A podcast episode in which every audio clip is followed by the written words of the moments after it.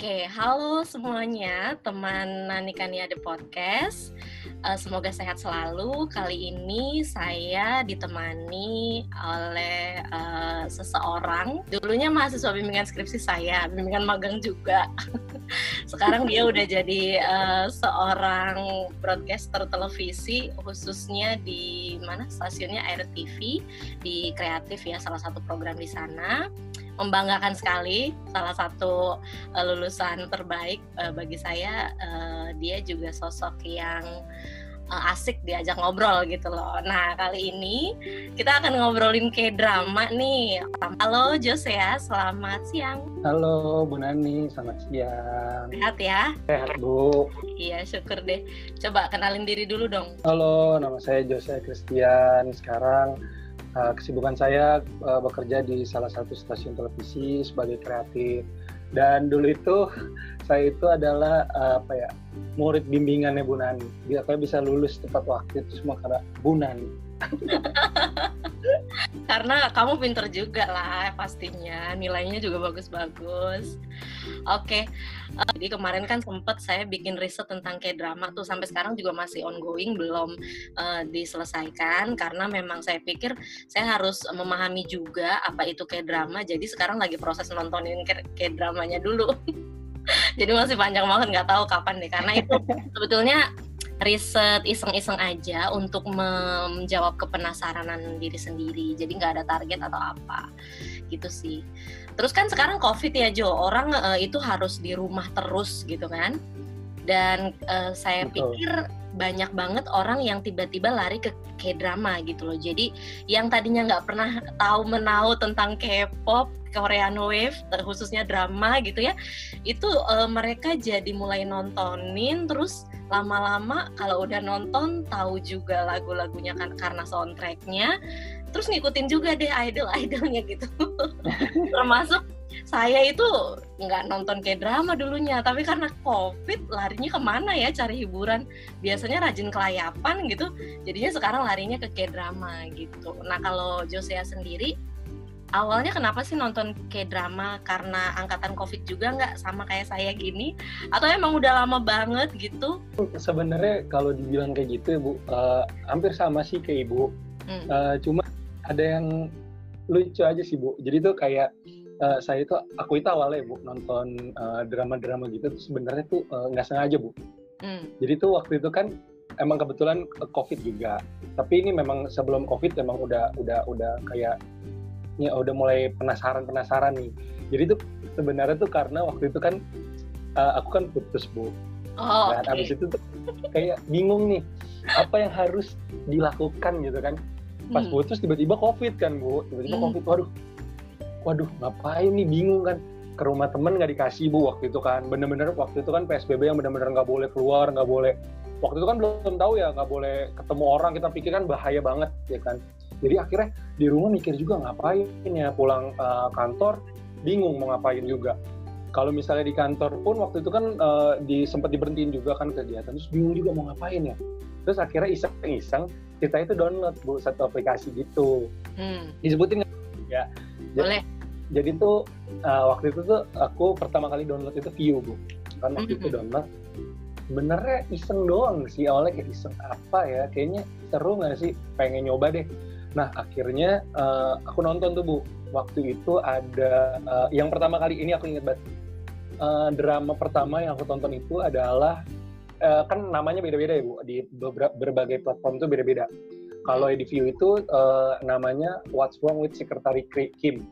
Mm. Jadi itu kayak tentang apa kayak orang kaya sama sekretaris terus dia jatuh cinta sama sekretarisnya karena uh, kayak sekretarisnya itu tuh yang paling ngerti cowok ini. Cowok ini tuh kayak yang cool cool banget yang susah banget dideketin tapi cewek ini bisa ngerti akhirnya dia jatuh cinta sama uh, sekretarisnya ini ya gitulah akhirnya hmm. nah terus pas aku nonton kayak ini seru juga gitu ya. Ini ini kok menarik juga nih sebenarnya uh, kisah-kisahnya itu lucu gitu kan. Karena kan ini kan memang uh, kayak uh, komedi romantis gitu ya bu. Jadi tuh aku memang suka yang yang genrenya yang kayak gitu-gitu nggak mau yang berat-berat juga. Terus sekali sih nggak apa-apa ya romantis berat. Tapi kalau yang lucu-lucu gitu kan enak juga gitu bu. Jadi nggak terlalu beban juga di pikiran. Nah terus akhirnya kayak merasa wah ini ternyata seru juga. Terus mulai deh nyari lagi nonton lagi yang lain-lain yang lain-lain.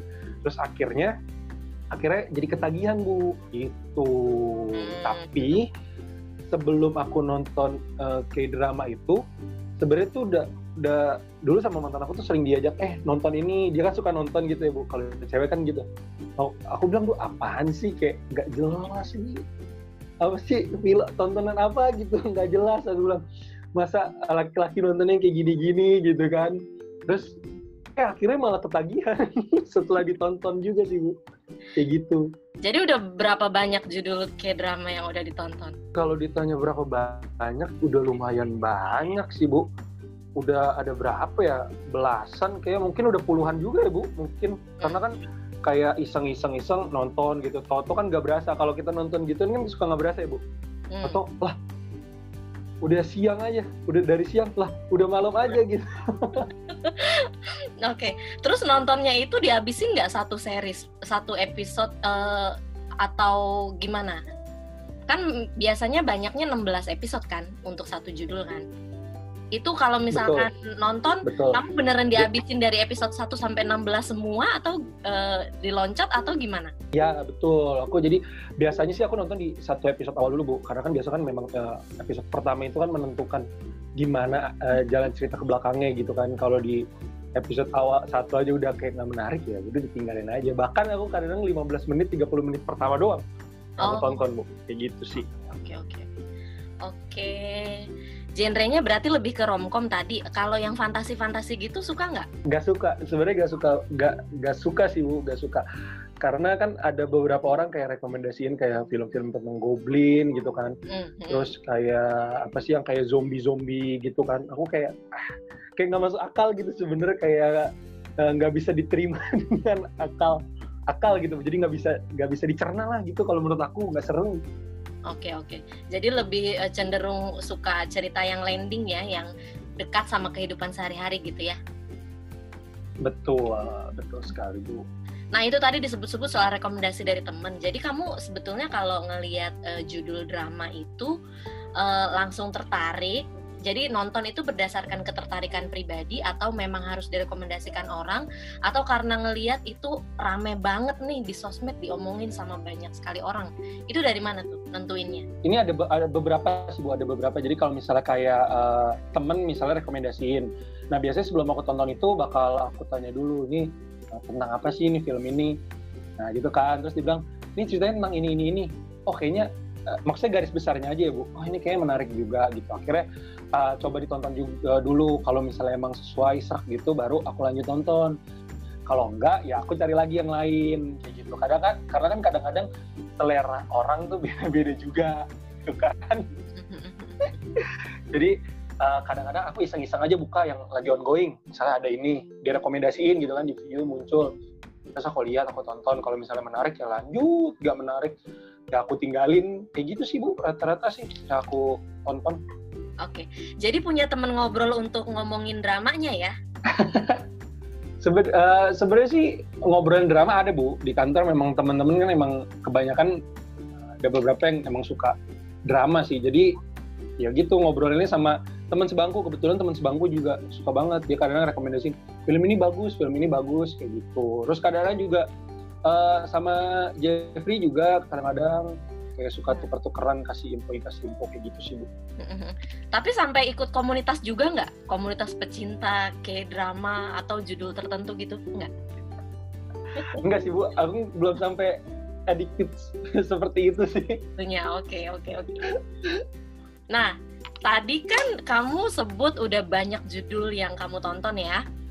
Betul. Itu yang dari sekian banyak yang paling favorit buat kamu tuh yang mana? Judul apa? Yang paling favorit, Bu. Uh, sebenarnya dibilang favorit sih rata-rata seru ya, tapi kalau misalnya yang bener-bener uh, menegangkan itu tuh sebenarnya yang kemarin tuh yang Word of Merit itu seru sih oh, menegangkan. Okay. Itu kan seru banget kan. Terus ada juga terus ada lagi ini Bu, apa? Kemarin itu tentang keluarga, drama keluarga yang uh, apa? familiar wife. Familiar ya? family. Eh, Nah itu itu ada juga bu, ada juga yang satu lagi tuh familiar wife kalau aku nggak salah judulnya. jadi tuh itu uh, ceritanya tentang keluarga juga kayak gitu. Jadi itu kisahnya kurang lebih sih rata-rata tuh kayak ya aku tonton kebanyakan bu kayak tentang pernikahan pernikahan gitu Gak, karena aku pikir gini bu kan. Maksudnya ini nih bisa jadi pembelajaran juga gitu bu kan. Nanti kalau misalnya nikah itu seperti apa kayak gitu. Jadi tuh udah mempersiapkan mempersiapkan hal-hal yang seperti seperti itu.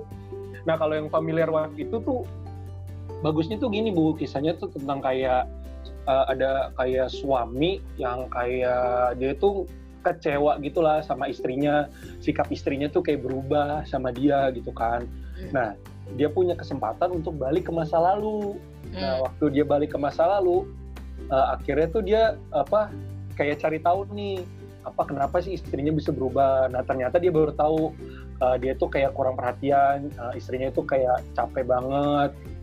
Karena dia kurang bener-bener uh, suaminya itu kayak bener-bener gak peduli sama dia. Jadi beda banget sama waktu dia masih pacaran kayak gitu-gitu. Terus akhirnya ya gitu akhirnya cowoknya berubah lah kayak gitu. Nah tapi kan itu baru dari sisi uh, cowoknya. Nah uniknya dari film ini bu jadi itu dia dari episode uh, eh, 1 sampai 8 itu lihat dari sisi cowoknya.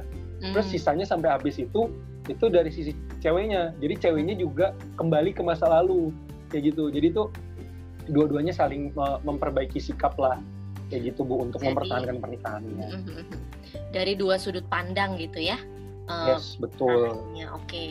memang uh, drama Korea itu selalu ada yang unik ya dari satu judul drama tuh oh yang unik tuh ininya gitu kan. Uh, apa sudut pandang misalnya. Kemudian ada juga yang unik tuh ceritanya. Ada juga yang gila-gilaan tuh acting pemainnya gitu ada juga yang sinematografinya tuh keren banget keren. gitu kan? iya betul betul betul iya, betul iya. betul keren banget ada juga yang naskahnya tuh luar biasa menyentuh gitu kan misalnya terus uh, dan banyak hal-hal yang saya aja tadinya nonton apa sih gitu kan mau nonton kayaknya takut buang waktu takut kepikiran gitu ternyata bener loh banyak hal yang bisa didapat gitu nah kalau dari kamu sendiri uh, kamu dapat apa sih dari nontonin kayak drama ini? Sebenarnya kalau ditanya apa yang didapat tuh setiap uh, drama tuh beda-beda ya bu. Hmm. Maksudnya tuh apa yang uh, karena kan memang kebetulan kan kayak tadi aku bilang sama ibu maksudnya tuh uh, yang ditonton itu bukan yang fiksi gitu kan yang ini tuh sesuai kayak dengan kenyataan. Jadi apa yang bisa didapatkan itu ya uh, kayak aku merasa oh ini relate banget nih sama kehidupan gitu kan. Kayak misalnya tentang uh, hubungan gitu kan tentang hubungan oh waktu itu misalnya uh, aku putus karena apa? Oh ini ternyata memang uh, harusnya diperlakukan seperti ini. Kayak gitu-gitu sih bu. Jadi benar-benar relate dengan kehidupan. Oh berarti nanti pada saat punya pasangan yang baru harus di treat seperti ini. Ya walaupun kita kan nggak tahu pasangan kita suka apa enggak tapi seenggaknya itu kan salah satu cara kita gitu kan. Jadi kita punya uh, pandangan sendiri gitu gimana sih cara menjalani kehidupan karena dari uh, kayak drama ini bu gitu. Habis kan oh. kalau kayak film-film itu karena suka nggak masuk akal gitu bu FTV FTV-nya kan. Mm-hmm. kayak supir angkot pacaran sama orang kaya itu kan kayak eh, ke mana logikanya gitu. Kalau uh, di mana kalau misalnya di eh, ya kan bener kan bu kalau di K drama itu kayak walaupun nggak masuk akal tapi itu dia berusaha uh, bikin cari inline yang benar-benar bisa diterima gitu bu. Sama sama para penikmatnya. Kayak waktu itu kan yang uh, drama tentang The Hairs ya kan? Yang orang kaya yang nikahin tentang sama apa orang yang susah gitu. Tapi kan dia berusaha mencari uh, benang merahnya gitu bu biar maksudnya bisa diterima nih sama penontonnya nggak yang halu-halu gitu. Jadi tampak betul upaya merasionalisasikan gitu ya oleh sutradara oleh penulis gitu. Oke. Okay. itu Nah, tadi kan kamu sempat uh, eh, bilang soal nonton maraton. Kalau ngomongin yes. frekuensi sendiri, frekuensi nonton hmm. drama, itu gimana? Rutinkah setiap hari harus ada episode yang ditonton? Atau seminggu sekali? Atau kalau udah nonton uh, karena maraton tadi jadi nggak inget waktu, sehari bisa beberapa episode, itu gimana tuh? nah, sebenarnya kalau kayak gitu tergantung Bu. Kalau misalnya emang nggak ada kerjaan, ya kita uh, nonton lah uh, kayak gitu kayak misalnya hari ini gitu kan. Benar-benar ditiadakan kayak misalnya kerjaan paling nanti misalnya meeting jam berapa kayak gitu. Mau nggak mau ya udah sekarang nggak ada kerjaan nih nonton. Tapi nggak diwajibin misalnya sehari harus ngejar satu gitu. Atau seminggu harus berapa kayak gitu. Jadi kayak suka-suka aja sih bu. Tapi kalau misalnya kita muncul notifikasi uh, udah muncul nih drama yang seru gitu kan. Nah biasanya langsung ditonton kayak gitu. Kalau memang uh, masih ada waktu ya. Karena kan kayak misalnya besoknya Toto kerja aku masih nginget-nginget waktu juga sih bu. Oke. Okay. kalau besok masuk masuk kantor gitu kan daripada besok jadi zombie di kantor mendingan mendingan jangan deh. Kalau nggak nonton aja nanti pas pulang kantor. Gitu-gitu sih aku bu. Rekor terbanyak nonton episode dalam sehari berapa? Rekor terbanyak sehari itu aku waktu itu pernah dari jam 10 pagi sampai jam ke jam 12 malam kalau nggak salah bu. Itu nonton terus-terusan dikejar waktu itu bener-bener gabut gak ada kerjaan. Jadi tuh jadi ada kali dua series gitu. Satu lagi ongoing satu lagi emang tamat. Jadi dikejar gitu bu. Padahal kalau dipikir-pikir mata pegel juga bu. Itu cuma diseling makan pegel doang ya? Atau jangan-jangan nggak makan iya. kan? Makan makan makan sih makan jadi masih masih ada kegiatan makan terus mandi gitu ada cuma habis itu kayak nempel lagi sama handphone Oh iya, so, ngomongin soal media ya tadi, kamu kan sebut handphone, berarti nontonnya selalu di handphone atau kadang di transfer ke TV juga? Oh enggak, kalau aku memang nonton di handphone bu, tapi kalau misalnya kadang-kadang tuh kayak misalnya di kantor nggak ada kerjaan, aku nonton di komputer kayak gitu, oh. jadi nggak nggak selalu di medianya handphone terus. Gitu. Terus kalau ininya channelnya apa? Netflix ya tadi selain View? Ah iya, kalau sekarang kan baru langganan Netflix. Oke, okay, okay. Ceritanya nih, ini juga sebenarnya waktu itu tuh nggak mau langganan bu karena kan aku pikir kan yang aku tonton juga di Netflix ujung-ujungnya kayak drama-drama juga gitu kan. Tapi karena ada beberapa drama yang nggak muncul di view, akhirnya ya gitu langganan juga Netflix. Akhirnya ternyata Netflix langganan banyak film-film yang seru-seru juga gitu. Nah tadi kan kalau nonton di kantor uh, suka bareng-bareng sama temen gitu ya. Kalau di rumah nontonnya sendiri apa sama keluarga? sendiri bu saya nonton sendiri saya tuh nonton sendiri nanti adik saya nonton sendiri dia beda lagi oh oke okay, oke okay. jadi biar kalau nangis ya nangis sendiri gitu ya nggak malu tapi tapi ini aku aku punya cerita unik sih bu. Waktu itu jadi kan nonton yang itu yang familiar family apa wife itu wife yang familiar wife. Terus waktu itu lagi nonton di kantor gitu bu. Kan lagi nggak ada kerjaan. Terus nggak tahu tiba-tiba kayak sedih gitu kan. Kayak nggak bisa kekontrol atau kayak bergelimang air mata gitu kan. Terus tiba-tiba ada yang datang bu. Jadi bos saya nepok woi dari tadi dipanggilin kan pakai headset gitu ya. Dari tadi dipanggilin. Kenapa? Di lu kenapa? Nangis dia bilang. Enggak ini lagi nonton. Aku bilang gitu ini sedih. Jadi malu gitu tensin bu. Ya ampun. Di kantor gitu kan. Terus diceritain lagi ke Jeffrey. Pura aja iya Jeffrey-nya cerita ke saya gitu. Iya, itu. katanya Bu itu Josea aja kalau mau cari informan penelitian. Soalnya dia bayangin Bu nonton drama di kantor dong di kantor nangis. Soalnya kan kita kayak kayak nonton gitu kan nggak bisa ke kontrol Bu. Toto dipanggil aku juga kaget. Lah ada nih terus langsung kayak berusaha kayak biasa aja gitu. Tapi kan muka beda ya matanya beda. Terus langsung ditanya gitu lu kenapa nangis? Enggak ini sedih kebayang. Udah bagus nggak nggak di ini nggak diumumin di rapat redaksi kamu. Nah itu dia. Itu dia bu. Untung banget. Untung maksudnya uh, bos saya tuh emang baik juga gitu sohipan tapi diceng-cengin bu sebulan lebih ada ini, ini orang nih kerjaannya. Nonton nangis nonton nangis dibilang kayak gitu. Oke okay. uh, eh, nah kamu kalau nonton kan memang kita ke bawah suasana ya karena misalnya apa sedih gitu kan uh, ceritanya sedih aktingnya bagus si aktornya terus soundtracknya juga mendukung gitu kan ya ampun. Jadi kita mewek lah saat itu juga. Nah itu uh, sampai ke bawah ke kehidupan sehari-hari nggak? Misalkan terpengaruh gitu kepikiran terus kalau misalkan belum diselesaikan episodenya. Atau jadi pengen ngepoin uh, tentang drama ini atau bahkan sampai follow aktornya di sosial media sampai segitunya nggak? Sebenarnya kalau dibilang buat uh, ke bawah sih kalau buat omongan-omongan ya dikit-dikit sengaja gitu ke bawah. Cuma maksudnya kalau sampai yang tergila-gila banget sih enggak. Biasanya kalau emang yang ih cakep nih gitu kan pemainnya cari ah di misalnya di Google gitu dari di di browsing kayak gitu namanya nah akhirnya di kalau yang benar-benar cakep tuh ya di follow kayak misalnya kemarin tuh yang tentang Word of Merit tuh yang jadi cewek yang pelakornya itu kan cakep banget bu kayak wow ini cakep banget nih kayak campuran akhirnya di follow juga akhirnya. Karena tuh kayak kayak cakep gitu bu gitu kan. Kayak jarang banget apa yang ada bisa secakep ini gitu. Jarang jarang jarang ketemu. Kayak gitu sih bu. Jadi tuh kayak kebawa sih. Ya cuma nggak sengaja omongan-omongan tapi nggak semuanya aku cari tahu pemainnya. Cuma kayak misalnya uh, dari satu drama ke drama lain eh ini pemainnya sama. Kayaknya waktu itu pernah main apa ya? Akhirnya kayak poin nyari tahu. Kayak gitu. Cuma lupa-lupa doang sih. Oh, gitu okay. bu. Nah uh, terus ngefek ke ini nggak jadi uh, suka sama bahasanya kata-katanya gitu? Jadi pengen tahu artinya apa? Sampai belajar bahasa Korea juga nggak?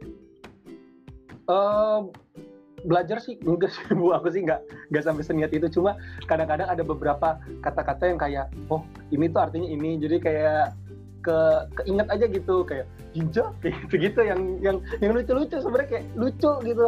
Tapi kayak ini lucu nih. Terus akhirnya diinget-inget juga gitu bu. Akhirnya aku inget-inget oh ini artinya ini ini artinya ini. Gitu. Jadi tapi kalau sampai belajar sih enggak bu. Sampai belajar niat sih enggak. Aku belum seniat teman-teman aku yang lain kayak gitu. nah, kalau makanannya gimana? Di drama itu kan banyak banget scene makan gitu kan. Yes. Suka sampai penasaran nggak pengen nyobain makanannya gitu?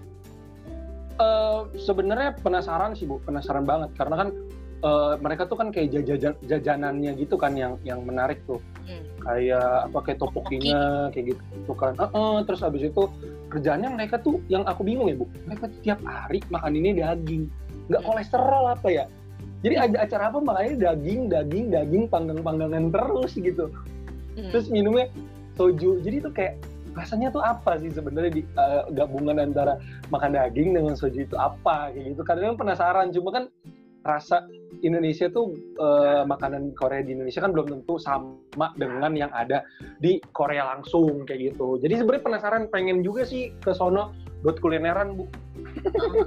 nah kalau di sini uh, makanan Korea dicobain nggak? Topoki, kimchi pernah, gitu? Pernah, pernah pernah. Waktu itu uh, kebetulan kan uh, memang mantan aku juga uh, suka sama yang Korea Korea kayak gitu bu. Waktu itu bahkan aku sampai ke ini bu ke K K Kmart ya Kmart sama K uh, iya Kmart itu yang kalau nggak salah di di daerah Jakarta Selatan gitu. Nah di situ memang dia jualan khusus uh, Korea-Korea gitu bu, sama makanan-makanannya. Jadi aku memang udah beberapa kali nyobain sih di sana. Suka. Enak juga sih. Oh. ya lumayan bu, lumayan. Aku sih lumayan suka. Makanya ibu harus nyobain juga. Recommended. saya baru saya baru nyobain kimchi sama topoki dan suka. Enak kan bu, tapi kalau kimchi itu aku kurang suka karena kan dia rasanya agak-agak asem kayak gitu ya. Nah, uh, yang enak tuh yang apa yang kayak kulit tahu itu tuh enak tuh Bu, apa yang namanya? Sebetulnya iya, itu otak-otak kalau kata mereka, tapi Iya, iya. Uh, iya, iya, iya. Iya, saya juga itu coba dan suka gitu. Terus saya enak, pikir, enak, enak. Mm, bahaya nanti jangan-jangan kita suka semua sama tentang Korea. Jangan sampai kayak gitu lah, Bu. Kamu kalau fashionnya ngikutin nggak? Kan keren-keren tuh aktor Korea di drama pakai jaketnya bagus, misalkan gitu. Iya, iya. Sepatu dan lain-lain. Kamu ngikutin nggak? Akhirnya ke ke bawah juga, Bu.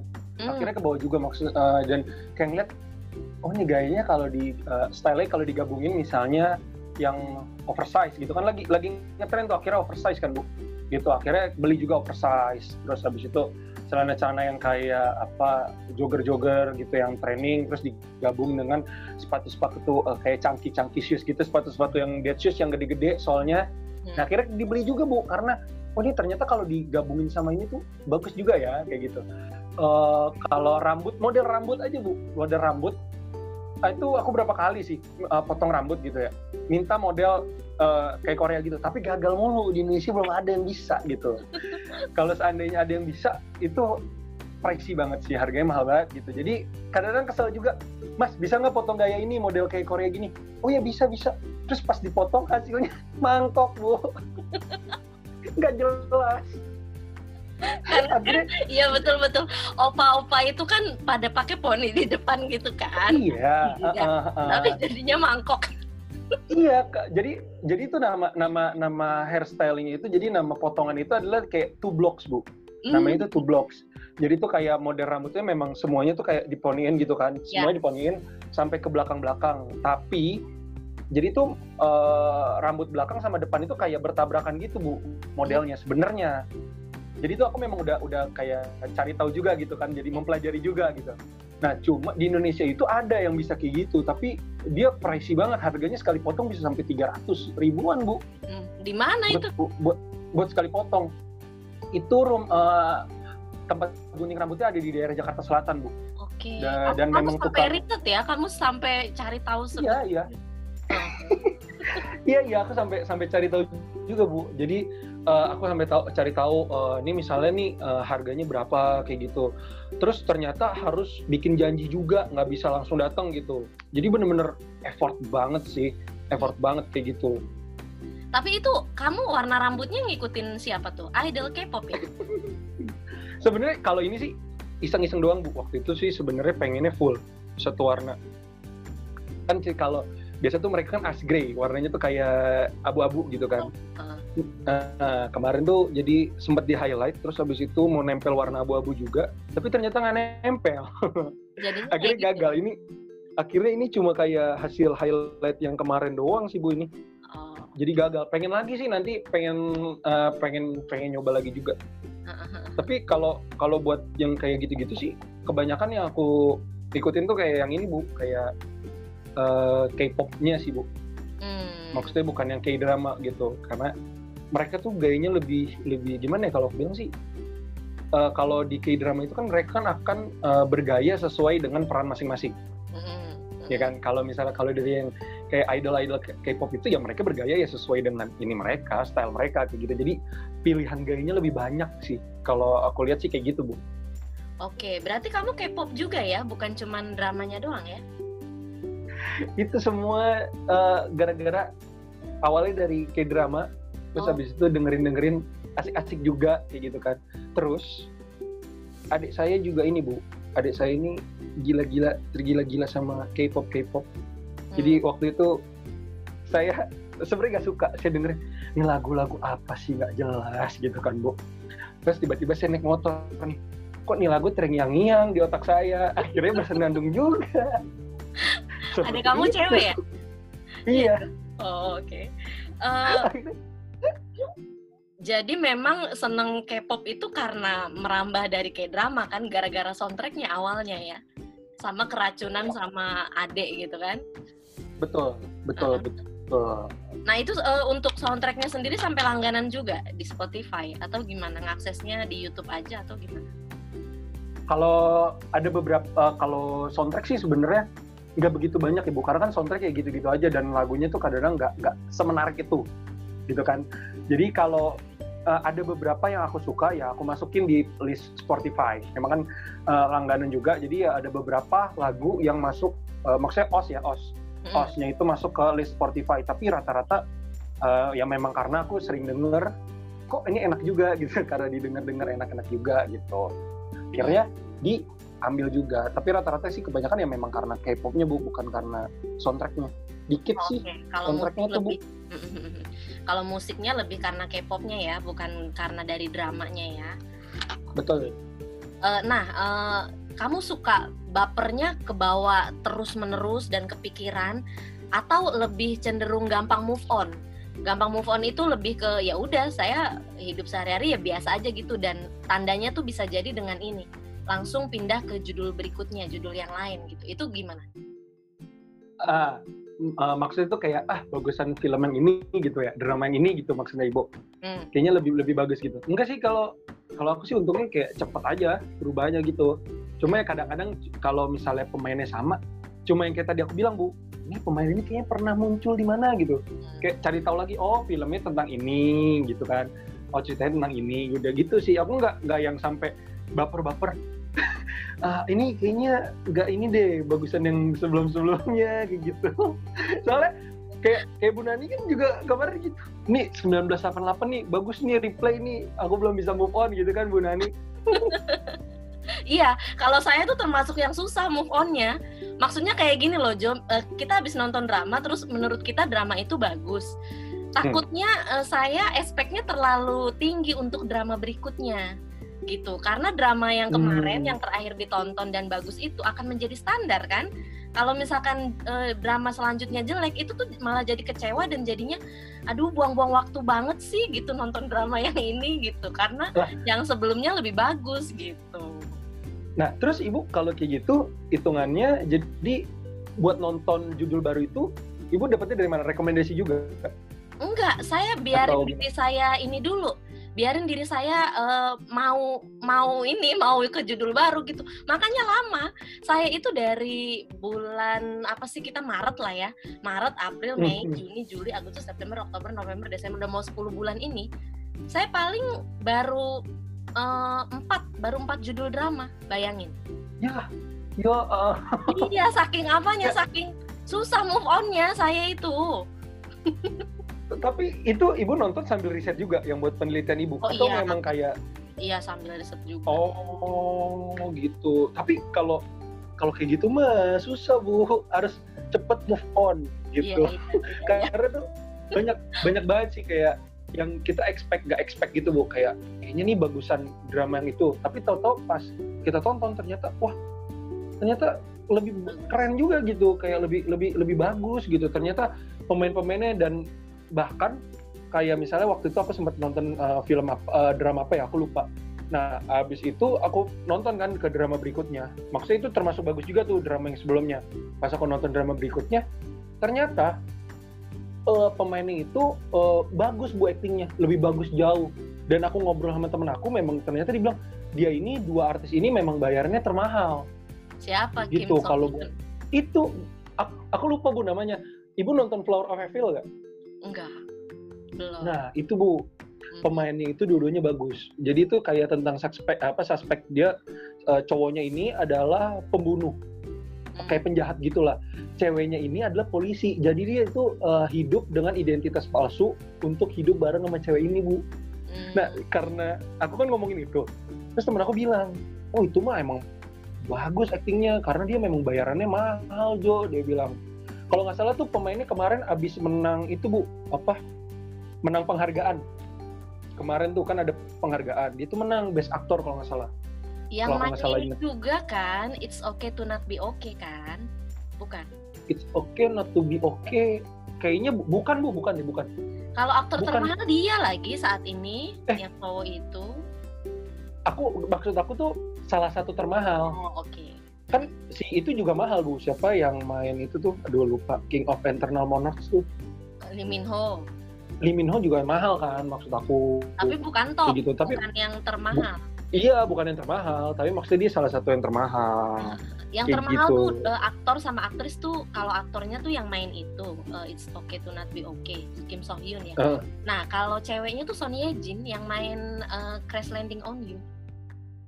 Oh, aku tahu yang main Chloe. Ya ceweknya aku tahu aku tahu ya, aku tahu. ini tapi sih mereka itu top ya paling paling si, mahal di Korea. Paling mahal. Mm -mm. tapi sebe sebenarnya uh, kayak si Yoon Bin juga termasuk lumayan oh, kan iya. bu setahu aku. Iya ya, kan dia juga uh, termasuk. uh, uh, uh, uh. tapi maksudnya uh, superstar di di uh, kayak drama tuh banyak banget. Tapi yang banyak, termahal tuh cuma dua itu sih. Nah terus kalau ibu sendiri ibu nonton empat drakor mm -mm. yang ibu paling suka apa Oke. Okay, Selain 1988. uh, eh, sebetulnya gini, uh, kemarin kan berdasarkan riset sama teman-teman informan gitu kan, ada yang nyaranin gini untuk uh, dia tuh nonton kayak drama dari tahun 2000 sampai sekarang nonton terus. Jadi Waduh. bukan karena iya, bukan karena Covid gitu kan. Terus uh, dia kasih tips nonton drama tuh jangan ongoing karena itu aduh nyiksa katanya gitu nyiksa banget karena kita nungguin gitu kan terus saya bilang saya jadi saya jadi ya saya nggak mau nonton ongoing ah takut gitu kan. Terus apa yang terjadi? Sekarang saya nonton ongoing. Dan saya tuh selama nungguin seminggu tuh kan startup nih uh, ininya Betul. judul dramanya. Yes. Sabtu Minggu kan. Ya ampun saya tuh kayak nungguin Sabtu Minggu cepetan dong Sabtu Minggu kayak gitu. Dan saya bilang ya ampun kenapa saya nggak dengerin informan saya kemarin ya? Gitu. Terus dari situ saya belajar untuk jangan pernah nonton ongoing lagi karena itu uh, nyiksa batin. Jadi Berarti lebih karena kenyiksa batin doang, Bu. Hmm, gimana ya? Ongoing tuh juga apa ya? Uh, kayak kita tuh dibikin penasaran banget kan. Jadinya kita nggak yes. bisa nonton maraton dong gitu. Nah, tapi tapi Bu, kalau misalnya ini kalau menurut pendapat aku ya, kalau misalnya kita nonton drama yang udah tamat, yang udah kelar gitu kan, itu malah bikin kita jadi bisa nggak inget waktu Bu. Oh. Itulah salah satu alasan aku makanya nggak suka nonton maraton gitu. Karena kayak ah nanggung lah lanjut dikit lagi satu episode dua episode lagi total udah tiga jam kita nonton itu yang makanya aku kayak nggak mau ah kalau yang on apa yang udah selesai mendingan yang ongoing aku tuh kayak gitu mikirnya takut nggak kontrol uh, bu di satu sisi untuk nonton ongoing juga saya kayak nostalgia. Jadi dulu kan waktu SMP saya nonton Meteor Garden. Kamu tahu Meteor Garden nggak? Oh iya, saya nah, tahu bu, saya tahu. Itu iya. tuh saya tahu itu. Uh, uh, itu kan uh, tayangnya seminggu sekali kalau nggak salah dulu di Indosiar yes. deh dan jam 10 malam gitu. Saya tuh nungguin gitu. Terus kalau misalkan saya ketiduran besok paginya saya marah sama mama saya. Aku nggak dibangunin. kayak gitu gitu kan terus di sekolah itu jadi kita tuh itu kan ada empat kan F se, se itu kan empat gitu kan? Iya iya iya iya. Jadi iya, kita iya, tuh segeng itu ada yang milih. Pokoknya aku tuh si Jerian kamu si satu, itu ya iya, iya. kamu si Anus kamu si Anu gitu loh. Uh, jadi kita saling ini loh. Terus kalau saya ketiduran gitu saya jadi melongo aja saya nggak bisa cerita apa-apa. Lah ibu masih mending kalau misalnya kayak gitu. Orang ada yang sampai koleksi bu. Dia sampai beliin CD-nya sampai berapa episode tuh? 200 episode. Bener-bener itu isinya tuh CD, CD. verse doang. Hmm. iya. Iya tentang iya. filmnya itu. Ada yang sampai kayak gitu uh, bu saya sih nggak sampai segitu sih. Gitu. Nggak sampai sampai ngoleksi gitu ya udah nonton aja. Terus paling ngepoin mereka. Mereka tuh sebenarnya siapa sih di uh, dia main apa aja? Terus pernah dapat award apa aja? Prestasinya segimana? Hmm. gitu sih. Nah tadi ya nonton ongoing tuh kayak selain uh, ngeselin kadang ngeselin gitu kan tapi di sisi lain kayak nostalgia juga. Ya ampun beberapa belas tahun lalu saya juga ada di posisi ini nunggu-nunggu gitu. Cuman bedanya maksud saya gini kok sampai sekarang juga kita masih bisa diginiin ya sama karya uh, apa namanya drama gitu kan. Ya seru aja sih gitu. Terus keren, keren, keren kita beda nih berarti Jo kamu gampang move on kalau saya agak susah untuk move on dari uh, satu drama ke drama yang lain oke okay, media nah, tadi tadi yang ibu bilang siapa siapa apa? itunya yang dramanya yang ibu suka apa oh, oke okay, yang udah saya tonton jadi sebetulnya dulu ya. banget ya. tahun 2000 tuh saya nonton dua drama sih. Dulu saya suka Song Hye Kyo gara-gara nonton Endless Love. Terus nonton hmm. dia lagi di Full House. Udah dua itu doang. Sama, oh, oke. Okay. Uh, Terus uh, pernah juga nonton Princess Hour itu juga kayaknya selang-seling gitu lagi nggak nggak sampai tamat gitu. Udah selesai. Terus karena Covid ini, saya nonton pertama kali tuh The World of the Merit. Nah dari situ tuh oh, saya, berat sekali. Iya. Nah itu makanya saya salah sih ya. Jadi baru pertama kali nonton kayak drama lagi, terus langsung ke uh, judul yang serem banget dan saat saya nonton ingeri itu berat banget. banget, itu parah banget. Itu berat banget It, itu film itu ya bu. Dari episode pertama aja itu udah intens banget bu. Sumpah. Nah, makanya. Aku nontonin kayak gitu kayak wah gila ini berat banget. Ini drama ini berat banget aku iya. bilang. Terus saya saya sampai gini hah? Saya selama ini ke mana aja gitu? Kok kayak drama bisa semaju itu sekarang? gitu kan. Acting pemainnya gila-gilaan. Ceritanya juga luar biasa bagus Gila. banget gitu. Makanya saya bilang hah? Aduh saya ketinggalan banyak nih gitu. Terus abis nonton itu tamat sampai kan si pemain uh, utamanya si uh, yang jadi tokoh utamanya itu dapat uh, penghargaan hmm. Iya, Karena iya. memang aktingnya bagus banget gitu. Terus bagus banget bu, uh, bagus banget. Drama itulah yang bikin saya pengen uh, uh, riset tentang kayak drama karena tadi ya kok udah semaju itu. Saya pengen tahu informasi dari teman-teman yang memang konsisten nontonin drama dari dulu kayak gitu sih.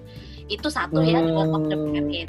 Kemudian judul yang berikutnya itu saya nonton uh, oh ya abis nonton The World of the Merit itu saya saya kayak takut gitu saya nggak mau nonton kayak drama lagi ah gitu amat serem amat sih gitu kan oh dunia pernikahan gitu ya ih serem banget gitu terus nah, yang kedua itu dia yang kedua uh, tiba-tiba ada romcom nih Crash Landing on You ya hmm. kan Oh iya, oke. Okay. Ya, Padahal ya, kan ya. sebetulnya yang bener tuh feel uh, apa yang duluan tayang tuh Chloe dulu baru The Word of the Merit. Tapi Chloe saya balik nontonnya. Ya. terus abis nonton Chloe terus saya jadi gini, loh ternyata nggak sekejam itu dunia nggak sekejam kayak The World of the Merit iya, masih ada iya, iya, iya, nih gitu kan dari nonton Chloe itu kayak optimis lagi gitu kan nah dari Chloe itu saya suka sama Sony Ye Jin actingnya bagus banget terus saya sampai mm -hmm. kepoin ternyata dia jadi aktris termahal sekarang di Korea nah terus mm -hmm. saya tontonin semua filmnya dia karena kalau film kan oh. pendek kan cuman iya, iya, cuman iya. sejam gitu jadi saya tonton mm. dan dan nggak baper kalau jadi saya sebetulnya mm. lebih lebih senang nonton tuh film sih lebih dikit gitu ya. Oh. Hmm.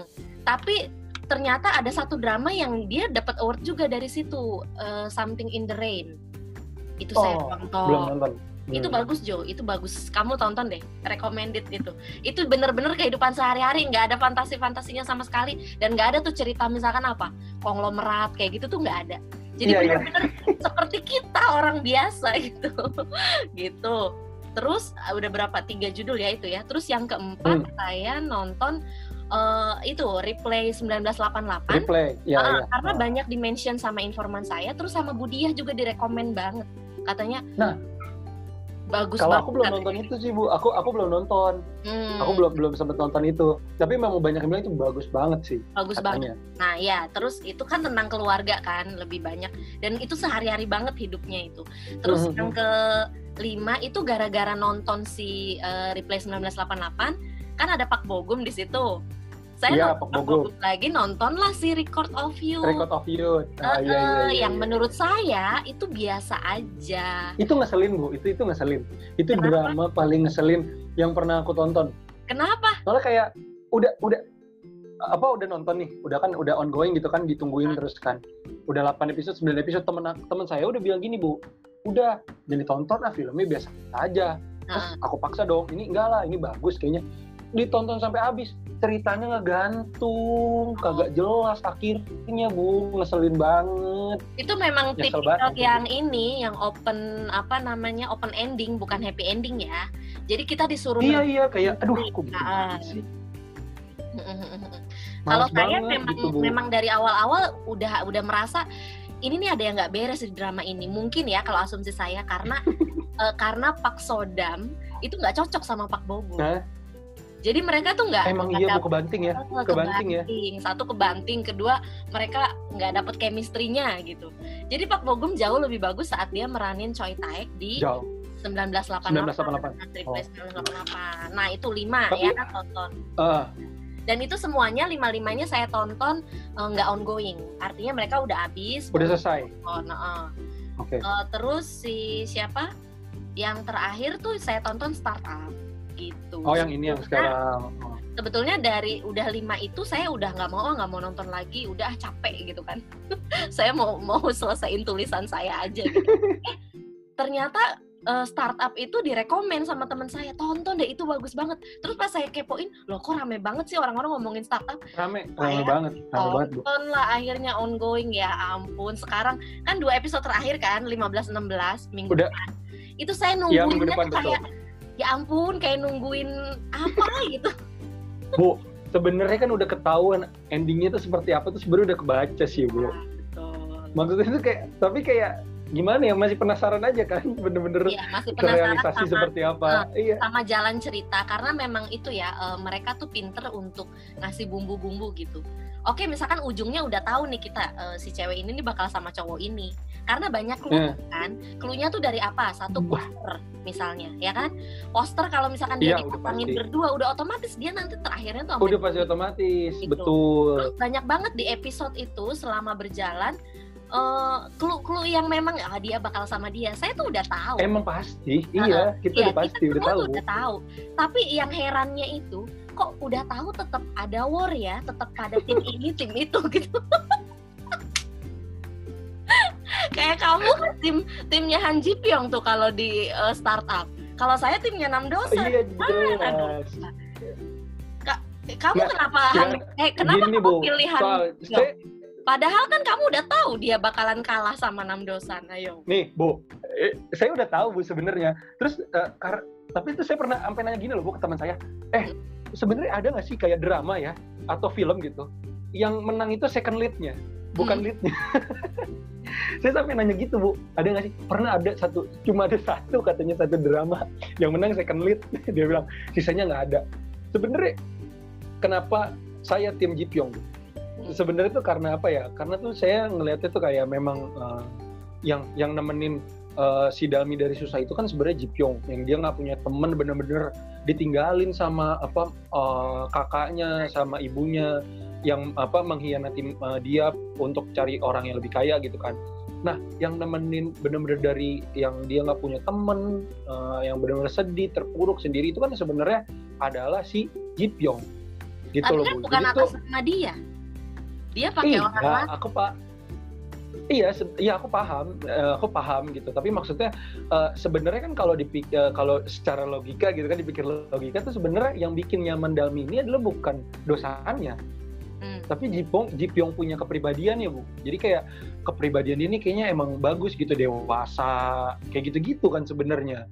Uh, saya rasa gini, uh, Jipyong itu saat nulis surat itu tuh nggak sepenuhnya dirinya, gitu ya eh, banyak juga yang kayaknya itu tuh hayalan dia. Idealnya dia tuh kayak gitu gitu. Terus dia pakai nama Seben orang. Ya sebenarnya juga kan memang ada unsur dari neneknya juga kan, ada ya, neneknya betul. juga kayak lu ngomongin tentang ini ngomong ini.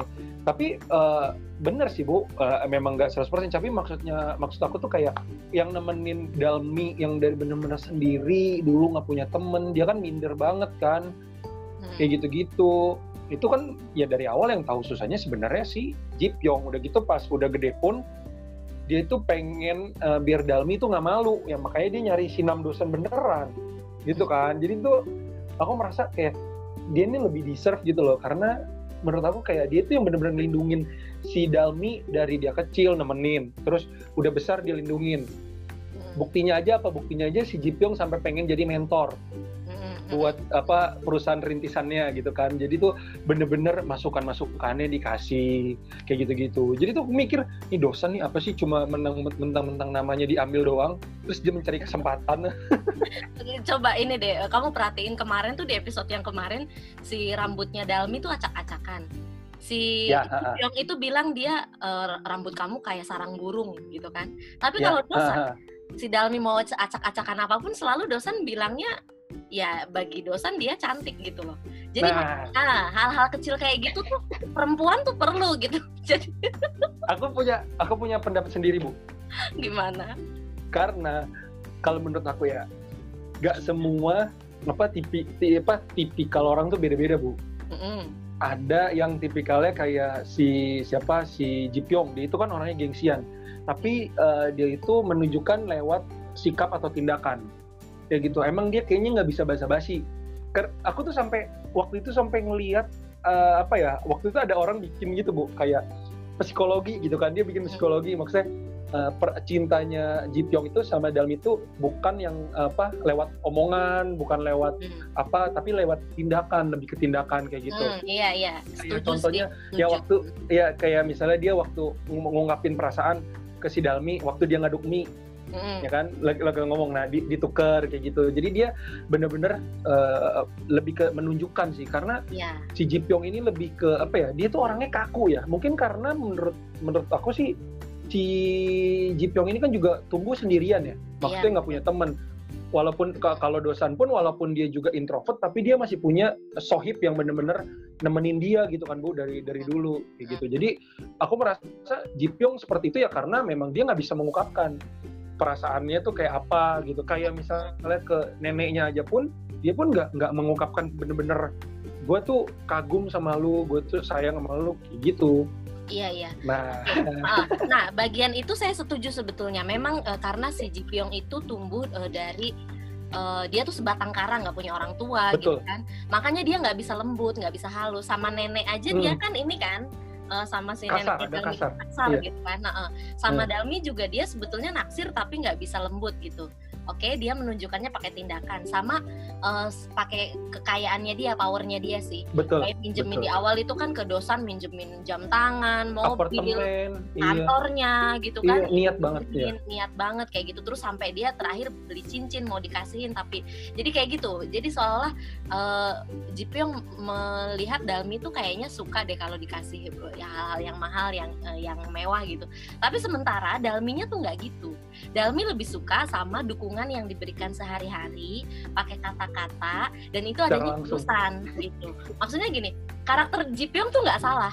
Yang jadi masalah adalah uh, antara apa Jipyong sama Dalmi itu nggak sefrekuensi gitu loh dan yeah, yeah. frekuensinya sama dosan makanya dosan yang menang gitu nah ini juga termasuk nih si siapa jadi second lead syndrome kan banyak banget yeah, yang yeah. lain uh, si uh, Jipyong gitu kan yes. uh, tapi ya gimana Uh, menurut saya sih penulisnya itu udah sangat rasional gitu ya, bukan berarti dalam hal ini mendiskreditkan si Jipyong ya, tapi yeah, memang yeah. Uh, kan memang diceritakannya si Jipyong tuh lebih dewasa daripada Dalmi dong.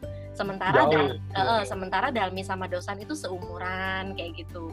Terus mereka tuh uh, sama gitu, frekuensinya sama, jadi chemistry-nya lebih dapet gitu. Terus uh, iya gitu, jadi uh, uh, maksud saya itu udah bener. Tapi orang-orang sampai war kayak gitu. Sampai terakhir tuh di websitenya Never ya uh, website nomor hmm. satu di Korea. Itu bikin voting. Ada pertanyaan gini kalau kalian jadi Dalmi kalian pilih siapa? Nah Jipyong itu 80 sekian persen. Si Dosan cuma 18 persen yang milih. Jadi memang di Koreanya juga itu tuh yang banyak tuh tim Han Jipyong iya karena yang aku pikir juga gini loh bu. Karena kan yang yang diceritakan dari awal itu ya itu adalah si Han Ji Pyong gitu. Jadi aku pikir tuh awalnya kan aku dulu awal itu nggak nonton apa nggak lihat poster, cuma nonton doang kan, play gitu kan. Ya jadi aku pikir yang lead utamanya itu adalah sebenarnya si Ji Pyong. Karena kan pas dari kecil yang diceritain adalah ini Ji Pyong kecil, dia sama Dalmi dari kecil. Si Ji Pyong yang dibantu sama neneknya gitu kan. Jadi aku pikir yang lead utamanya ini si Ji Pyong. Jadi mungkin orang-orang juga pikir harusnya Jipyong nih yang menang karena dia yang nemenin kayak tadi aku bilang dia dari susah segala macem mungkin karena gitu tapi kalau buat kalau buat apa kayak maksudnya buat keren atau apa ya memang sih dosan memang lebih cocok maksudnya kayak seumuran kalau Jipyong kan kayak agak lebih tua gitu sih Oke, ini kan udah episode 14 ya Jo. Kamu punya prediksi gimana? Ka kalau Dalmi Dosan kan udah pasti gitu ya. Jipyong ini bakalan gimana? Menurut kamu bakalan nah, sama Inje nggak? Atau enggak masing-masing? nah, sebenarnya itu yang diharap aku harapkan sih Bu kalau misalnya seandainya pun Jipyong nggak sama si siapa Dalmi. si Dalmi seenggaknya ya dia misalnya sama Inje lah maksudnya biar ada happy ending juga kayak gitu kan aku juga udah mikir gitu nih kayaknya apa jalannya nanti karena kan nyatanya aja si Dalmi sama Inji aja akhirnya kerja sama bareng kan. Mm-hmm. kayak di awal itu kayak nggak kayak nggak bakal kepikiran orang satu udah sama apa bapaknya yang kaya yang satu hidup dengan sederhana kayak gitu kan. Tahu-tahu Dalmi gabung sama Inje dibukain perusahaan baru sendiri ya kan bikin mobil listrik gitu kan. Eh bukan mobil listrik mobil apa tuh yang kayak robot gitu tapi kan mm-hmm. ya otomatis. Nah aku tuh berharap kayak uh, ya semoga aja sih uh, si siapa tuh si Jipyong bisa sama Inje ya. Walaupun sebenarnya sih secara logika sih nggak mungkin ya bu. Uh, secara Aneh logika gitu, karena... mungkin. Uh, uh. tapi kayaknya karakter mereka tuh match loh. Kan sama-sama cocok ya? Iya, iya. sama-sama pengusaha yang wah gimana gitu ambisius gitu. dan dan kalau di uh, bener juga bu karena si Inje itu juga orangnya tuh agak frontal gitu. Uh -uh. kalau ngomong tuh kasar sebenarnya kan. Uh, kayak misalnya uh, dia tuh sifatnya juga nggak bagus. Kayak misalnya waktu yang dia apa mamanya kan udah pulang ke rumah neneknya. Mm-hmm. dan dia disuruh datang nggak pernah datang kan. Terus dia mm-hmm. baru sedih karena tahu neneknya matanya udah mau buta. Ah. terus dia baru eh, eh, kayak gitu. Sifatnya sebenarnya sama. Tapi bu kalau di real life kalau sifat sama-sama keras itu tidak akan berhasil. Jadi itu yang bikin kamu putus. Udah bisa ngajarin ya sekarang. Oke. okay kita tunggu aja ya untuk episode 15 16-nya. Semoga Sabtu dan Minggu beneran tayang. Enggak, kita tuh di PHP-in kan katanya gitu. Ada drama ongoing yang orang tuh semua udah nunggu tiba-tiba nggak tayang seminggu gitu kan. Ada juga yang Oh, iya sengaja. Iya iya emang iya hmm, sengaja. Gitu kan. Nah, Uh, sebelum kita akhiri, saya pengen tahu deh dari perspektif kamu sendiri, uh, menurut kamu kenapa sih K-drama itu sebegitu diminatinya saat ini, gitu kan? Kalau menurut saya sendiri kan ya, uh, dia tuh kayak dapat momentum dengan adanya COVID ini. Jadi orang cari hiburan untuk di rumah itu yang pertama. Terus uh, yang saya pengen tahu perspektif dari Josea adalah bukan cuma di Indonesia, karena kan sekarang hype-nya itu ya. worldwide loh, K-drama itu. Yes apa sih menurut yeah. kamu yang bikin kayak drama tuh sebegitu diminati sama orang hari ini? Sebenarnya uh, uh, kalau menurut aku ya Bu, memang uh, salah satu faktor yang tadi tuh Ibu bilang coronavirus. Dan uh, yang kedua itu sebenarnya karena uh, pemerintahnya memang cukup konsen sih Bu untuk membesarkan uh, industri ini gitu. Karena kalau menurut aku ya, kayak misalnya BTS aja bisa benar-benar sampai uh, ke seluruh dunia gitu Bu ya kan dia bisa benar-benar dikenal sampai apa banyak banget uh, kayak bule-bule Amerika lah sampai Amerika Selatan bisa sampai kayak gitu karena itu memang uh, apa ya namanya tuh didukung sama pemerintah mereka sih bu. Kayak buat apa budaya mereka tuh emang pengen di, disebarluaskan gitu. Kan apa sebutannya? Hallyu ya? Hallyu ya? Hallyu ya, kan? ya. Uh, uh, jadi memang dia tuh konsen banget gitu. Nah kemudian uh, ada lagi kalau menurut aku tuh ya salah satu yang bisa bikin uh, drama itu menarik ya bu. Uh, dia itu nggak nggak berlebihan bu. Nggak berlebihan tuh uh, di sini tuh maksud aku tuh gini kayak misalnya nih dia tahu nih ini trending banget. Kayak misalnya World of Merit. Itu tuh trending banget kan gila-gilaan. Dia itu nggak dibikin franchise jadinya bu. Hmm. ngerti nggak maksud aku? Jadi nggak dibikin sequel selanjutannya lanjutannya lanjutannya. Sedangkan kalau banyak film kan kalau itu dia memang semalasan aja. Di runningin terus. Wah ini bagus. Kayak Fast and Furious bu. Kita hmm. ngomong Fast and Furious. Kayak dia tuh awal ceritanya tuh udah bagus tapi karena dibikin panjang-panjang-panjang akhirnya kayak ya udah kayak udah biasa aja. Udah iya. Nah, orang udah nggak dapet momentumnya udah selesai gitu ya? Iya udah selesai bener jadi kalau menurut aku tuh kayak Korea apa kayak drama ini bisa diminatin orang ya karena misalnya dia 16 episode ya udah 16 konsisten, dia nggak ya? dipanjang-panjangin ya? lagi. Iya dia konsisten. Kalau misalnya yang drama 30 menit dia bikin ya 32 episode kayak gitu loh bu. Jadi kalau menurut aku tuh salah satunya itu juga. Sama ya memang nggak bisa dipungkiri ya media sosial media juga pengaruh sih bu. Jadi mungkin kayak misalnya orang nggak awalnya tuh nggak tahu di drama ini apa. Terus karena trending mulu gitu di sosial media sosial media terus mereka akhirnya kayak apa sih nih? Apa sih nih? Cari tahu. Mereka dari cari tahu itu akhirnya mereka tertarik kan otomatis mereka akan download atau mereka akan cari apa filmnya tuh kayak gimana. Terus akhirnya ditonton ternyata memang bagus. Jadi ya itu salah satu banyak faktor sih bu sebenarnya yang bikin uh, eh, k drama tuh sekarang jadi diminatin sama orang itu sih menurut aku sih karena itu sih bu. Jadi memang uh, era new media ini mengamplifikasi uh, hype ini gitu ya. Jadi bisa orang ngakses dari mana aja. Orang tadinya nggak peduli jadi tiba-tiba penasaran terus malah jadi edik gitu kan. Selain memang mereka ya, juga ya. semakin oke okay, makin ke sini produksinya ya. Terus uh, saya lihat juga kolaborasi ya. Timnya staffnya itu niat banget bikin perintilan. Misalkan kayak poster tahun lama itu dihadirkan lagi snack yang memang udah nggak ada sekarang memang diproduksi lagi demi hanya muncul sekian detik doang sebetulnya di dramanya gitu iya iya iya gitu. dan dan dan kayak yang kemarin aja tuh bu yang Word of Mary itu ya hmm. dia itu ternyata kan uh, ada kayak apa ya kayak kayak behind the scene-nya gitu kan. Hmm. Jadi itu dia ada kayak dua episode tambahan. Ibu mungkin juga nonton kali. Nonton, yang dia ceritain nonton yeah. ya kan yang diceritain maksudnya makna dari apa cowok ini sama apa misalnya suami istri ini kenapa dipisahin dengan apa jendela ya. kayak gitu Betul. itu ada ada maksud maksudnya itu yang kayak gitu gitu itu juga itu kan kayak orang mungkin nggak memperhatikan tapi setelah dikasih tahu oh iya ternyata tuh ini maksudnya ini ya dia pakai baju ini kayak skripsi banget ya bu sebenarnya Padahal skripsi kamu kemarin bukan semiotika loh. bukan, bukan semiotika. Tapi iya, iya. kayak oh ini ternyata maksudnya tuh ini maksudnya tuh ini dan sama mereka pun ya gitu bu apa berani keluarin uang mm -mm. untuk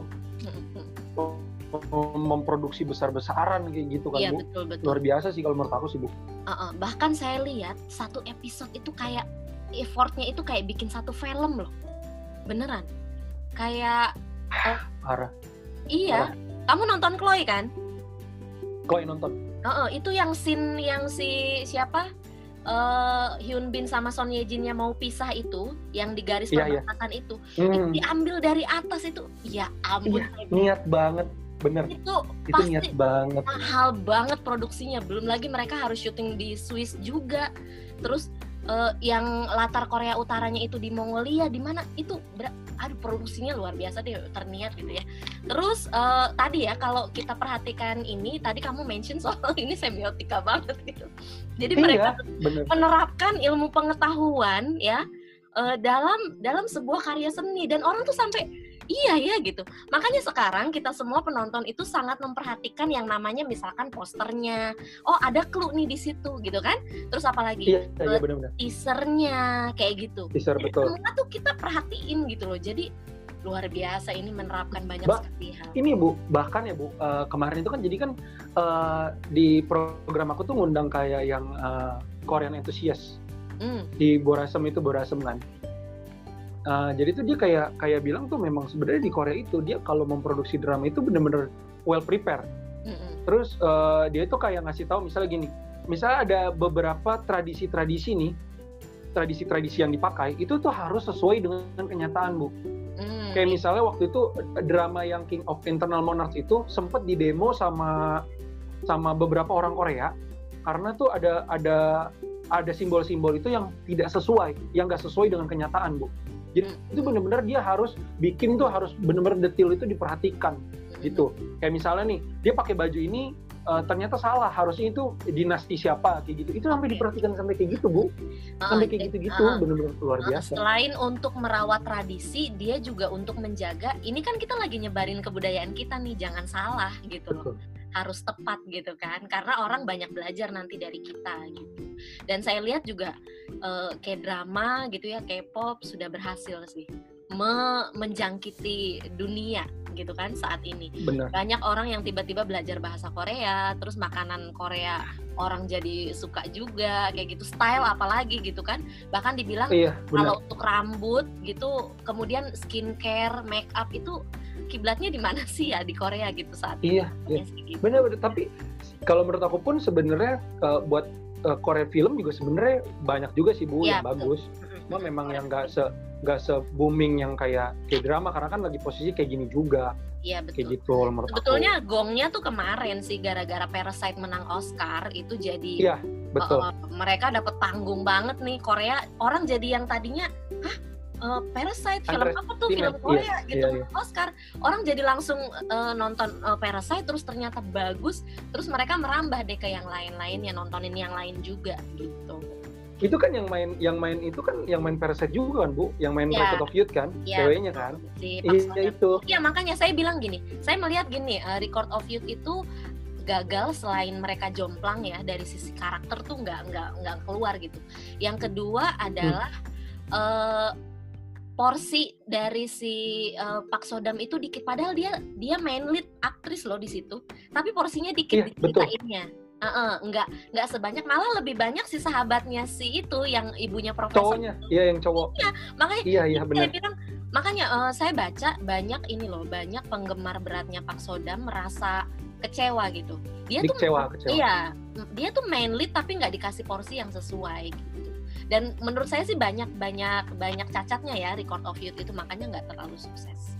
Gitu sih kurang-kurang bagus sih bu. Tapi iya, kalau film bu ada lagi. Kalau menurut aku sebenarnya sebelum yang Parasite itu kan yang tren tubusan juga cepet sempat oh, booming kan, iya. kan bu. Mm-hmm. tren tubusan ya, kan? karena ini tapi, kemarin yang terakhir taksi driver. Oh itu aku nggak nonton bu. Oh, yang aku tonton tuh Along with the God tau nggak bu? Along with the God Enggak, belum.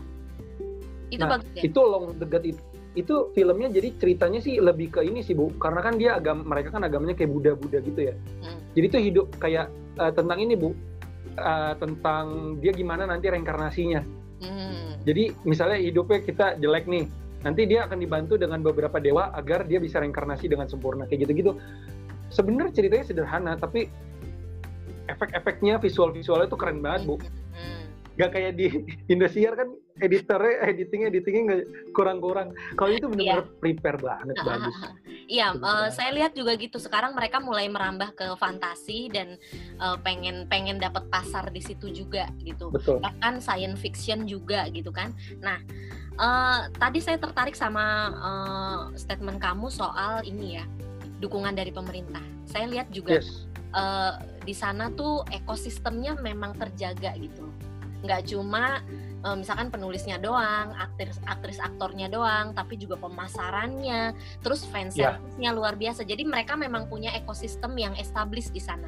Nah, Betul. Uh, kalau berkaca ke kita nih di Indonesia, kamu kan bilang oh kalau drama FTV misalkan atau di Indosiar gitu kan mengecewakan dan hmm. lain-lain. Hmm. Hmm. Pertanyaan terakhir ya Jo, menurut kamu hmm. kita bisa nggak sih uh, lebih baik dari dari yang sekarang gitu berkaca dengan kesuksesan mereka. Kemudian uh, mungkin nggak sih Indonesia juga punya punya kesempatan untuk bisa sebagus mereka gitu? Sebenarnya kalau dibilang bisa nggak bisa sebenarnya sih bisa bu. Kalau memang kitanya mau sih bisa. Maksudnya kita itu bukannya kekurangan apa ya kayak kekurangan orang-orang yang hebat gitu bu. Karena kan kayak bangsa yang visual visual efek gitu kan kita ada kan yang uh, visual effect itu apa yang yang ini bu? Yang apa sih? Orang Indonesia yang, yang kerja, di Hollywood orang Indonesia. Iya. Hmm. iya iya animator yang bikin yang apa yang dia ikut bikin Endgame juga tuh yang Betul. Endgame. Kan ada juga. Maksudnya tuh sebenarnya kita tuh nggak kekurangan orang-orang seperti mereka tapi eh, orang-orang hebat gitu. Tapi di sini tuh lebih yang kayak tadi dibilang mereka itu lebih kurang dihargai sih di sini.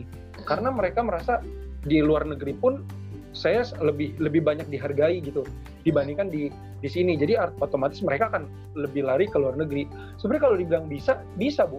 Kayak misalnya, tapi jeleknya Indonesia adalah dia itu ini bukan aku ngejelekin bangsa sendiri, tapi tuh mereka tuh kadang-kadang kalau bikin film, bukan film sih, kayak sinetron, itu ngejiplak bener-bener ngejiplak. Hmm. Contoh, kayak kemarin tuh ada film lupa kalau nggak salah di SCTV kalau aku nggak salah. Dia itu bikin film ceritanya penyanderaan. Penyanderaannya tahu bu seperti apa? Seperti Money Heist. Persis kayak Money Heist. Terus kemudian iya plek-plekan. Udah gitu ada juga drama apa uh, sinetron yang trending. Kemarin tuh katanya ramai banget diperbincangkan di Indonesia karena jalan ceritanya seru bla bla bla. Ternyata penulisnya itu adalah suka nonton drakor. Hmm. jalan ceritanya itu mirip dengan jalan cerita yang kayak ada di Korea. Mirip banget. Hmm. jadi kayak tentang uh, apa kalau di film di Korea itu uh, judul itu lies lies uh, lies after lies. Jadi hmm. kebohongan uh, setelah kebohongan gitu. Jadi kurang lebih ceritanya katanya sama kayak gitu. Jadi itu sebenarnya di nggak apa-apa sih. Kita kalau mau ngikutin itu nggak apa-apa. Kan memang uh, kita kan harus tiru amati modifikasi. Iya betul. Gitu Gak kan. ada yang Tapi, original murni gitu betul. ya. Betul. Hmm. Dan kayak misalnya film yang uh, World of Merit pun aku dengar itu sebenarnya itu ya. remake kan dari remake dari, dari apa Barat. Inggris ya. Kalau aku nggak iya Barat gitu kan. Tapi kan dia bisa apa di prepare-nya bener-bener ceritanya dibikin lagi, bener-bener dibikin ulang total gitu. Jadi nggak plek-plek kan. Tapi kalau di Indonesia tuh kayak ya udahlah, ini udah bagus nih yaudah kita ikutin aja siapa tuh kita sesuai kayak gitu hmm. itu yang harus lebih diperhatikan lagi sih sebenarnya. Sama dan di Indonesia pun uh, kayak hiburan-hiburan itu kan masih belum uh, belum benar-benar banyak diperhatikan kan bu. Sama pemerintah juga. Yeah, Ka kayak kita aja baru punya backup kan ekonomi hmm. kreatif gitu kan. Belum lama. Film-film gitu. Iya belum lama. Maksud aku kan kalau memang itu harusnya dari dari dulu dong. Harusnya kita prepare itu. Sedangkan ibarat kata ya kita ketinggalan ya. Sebenarnya ya semoga aja bisa lebih baik lagi sih kalau memang mau kita kejar bisa. Sebenarnya kayak film-film Joko Anwar pun juga keren kan bu? Betul. Ya betul. kan? Kayak perempuan tanah jahanam itu didaftarin di Oscar Jo. Uh, nah. Joko makanya Anwar. maksudnya tuh sebenarnya banyak bu yang uh, pembuat-pembuat film yang keren tuh banyak. Cuma gitu kurang kreativitasnya ya mungkin perlu ditingkatkan lagi. Jangan ngambil plek-plekan. Terus pemerintahnya juga harus ikut support. Jangan kayak misalnya mau didaftarin di Oscar dia daftarin sendiri gitu misalnya gitu kan. Uh, dia biaya sendiri atau apa kayak gitu. Hmm. karena kadang-kadang di Indonesia juga gitu sih bu. Kayak misalnya buat apa sih? Kayak gitu-gitu. Mendingan uangnya untuk hal yang lain kayak gitu-gitu loh bu. Masih hmm. banyak nyinyiran-nyinyiran seperti itu. Betul betul. Uh, kalau lihat ini ya uh, dari sisi merdeka si Korea itu kan merdeka tanggal 15 Agustus 45 dua hari setelahnya kita merdeka Indonesia. Betul tapi mereka udah semaju itu dari sisi uh, apa kebudayaan karena memang mereka nggak nggak punya apa-apa lagi untuk dijual gitu loh. Sumber daya alam mereka nggak punya nggak sekaya kita gitu kan. Terus Tiga Indonesia juga, betul. Uh, uh, penduduk luas demografis itu juga mereka sebetulnya kalah banyak sama kita. Tapi mungkin karena kecil dan sedikit mereka bisa lebih fokus. Terus solid dan juga, solid. Uh, uh, uh, solid gitu ya kolaborasinya luar biasa. Sama uh, pendidikan jadi pendidikan di Korea tuh bener-bener uh, nyiksa murid banget sebetulnya dari untuk sekolah. Ya mereka tuh sampai pada mimisan, terus bener-bener anak-anak tuh harus pergi ke universitas supaya sukses kayak gitu-gitu. Jadi basis pendidikan juga kuat banget di sana gitu. Nah hmm, menarik sih tadi kamu bilang soal uh, kita sebetulnya SDM punya ya Cuma memang itu tadi balik lagi kita industri hiburannya belum semaju itu karena sokongan dari pemerintah dan ekosistemnya juga belum terbangun gitu. Kalau dari sisi musik sendiri sebetulnya kemarin sempat mau digagas sama Glenn Fredly, tapi keburu hmm. uh, keburu meninggal, uh, gitu. Jadi ya udah uh, nggak tahu ya mungkin bisa ditumbuhkan lagi sih gitu. Terus saya sebenarnya kayak mm -mm. kayak di Indonesia juga sebenarnya bu kayak musisi tuh ada yang weird genius, ibu tahu nggak? Yang grup DJ itu kan dia sampai masuk billboard. Hmm. Dia, jadi itu memang dia dan dia pun ya bener-bener sendiri dia dikontrak dengan apa label luar negeri. Terus ada Rich Brian ada ya. Nicky kayak gitu-gitu kan sebenarnya banyak bu. Sebenarnya tuh banyak banget iya kalau uh, kalau SDM kita nggak kekurangan yang bagus yang pinter gitu yang yang kreatif yang keren gitu ya. Cuma tadi ya butuh sokongan gitu. Kayak saya lihat uh, Record of Youth aja drama yang menurut kita biasa aja itu ya, bener-bener di, di sponsorinnya tuh sama kementerian itu apa pemuda kayak gitu di sana. Jadi bener-bener saya bilang ya ampun drama kayak gitu aja yang, yang bagus banyak yeah. tapi pemerintahnya tuh dukungannya luar biasa sama sama uh, apa namanya industri ini gitu Indonesia juga sebetulnya bisa sih kemarin Dan saya lihat uh, si siapa Dian Sastro itu kayak dia punya campaign uh, tonton lokal drama kayak gitu sih. Nah, uh, itu dia. Uh, saya Sama sih pengennya juga, Bu, ada ada gerakan yang memang dibuat atau juga si para sineasnya itu uh, bikin sesuatu yang memang oh, bisa menarik perhatian pasar lokal gitu ya. Nah itu juga bu sama satu lagi ya gitu maksudnya kita tuh terlalu apa ya gak bisa mencintai produk dalam negeri sendiri gitu bu. Nah kan kita lebih banyak kayak nonton ya film-film luar negeri segala macem kayak gitu. Jadi ya ya gimana akhirnya akhirnya gitu kita punya film nggak bisa berkembang nggak akan bisa berkembang kayak kalau kita pun nggak disupport. Kayak sebenarnya film yang kemarin tuh Gundala aja itu yeah. berhasil karena yang dia disupport banyak yang support dia kan. Banyak yang support mereka gitu kan bu. Film itu kan berhasil banget kan maksudnya karena memang disupport sama orang-orang penasaran pengen nonton pengen nonton gitu kan. Hmm. sebenarnya bisa kalau kita yang kita berlakukan dengan yang lain-lain juga bisa kalau banyak yang support. Kalau menurut aku sih gitu. Iya ya gitu ya kita tunggu aja gitu. Ya nggak sih? Uh, tunggu terus kalau misalkan kita bisa ambil bagian ya kenapa enggak gitu kan? Termasuk kamu kan uh, kerja sebagai broadcaster saat ini kan? Uh, TV ya. broadcaster ya kreatif gitu. Ya mulai di ini kali ya mulai bergerak gitu. Kecil kecil sedikit terus uh, kolaborasinya diperluas diperbesar gitu. Karena saya lihat sekarang tuh kekuatan kita tuh balik lagi ke zaman purba gitu. Kita uh, menang karena kita kolaborasi gitu kan? Uh, benar. Sekarang udah bukan lagi eranya kompetisi gitu.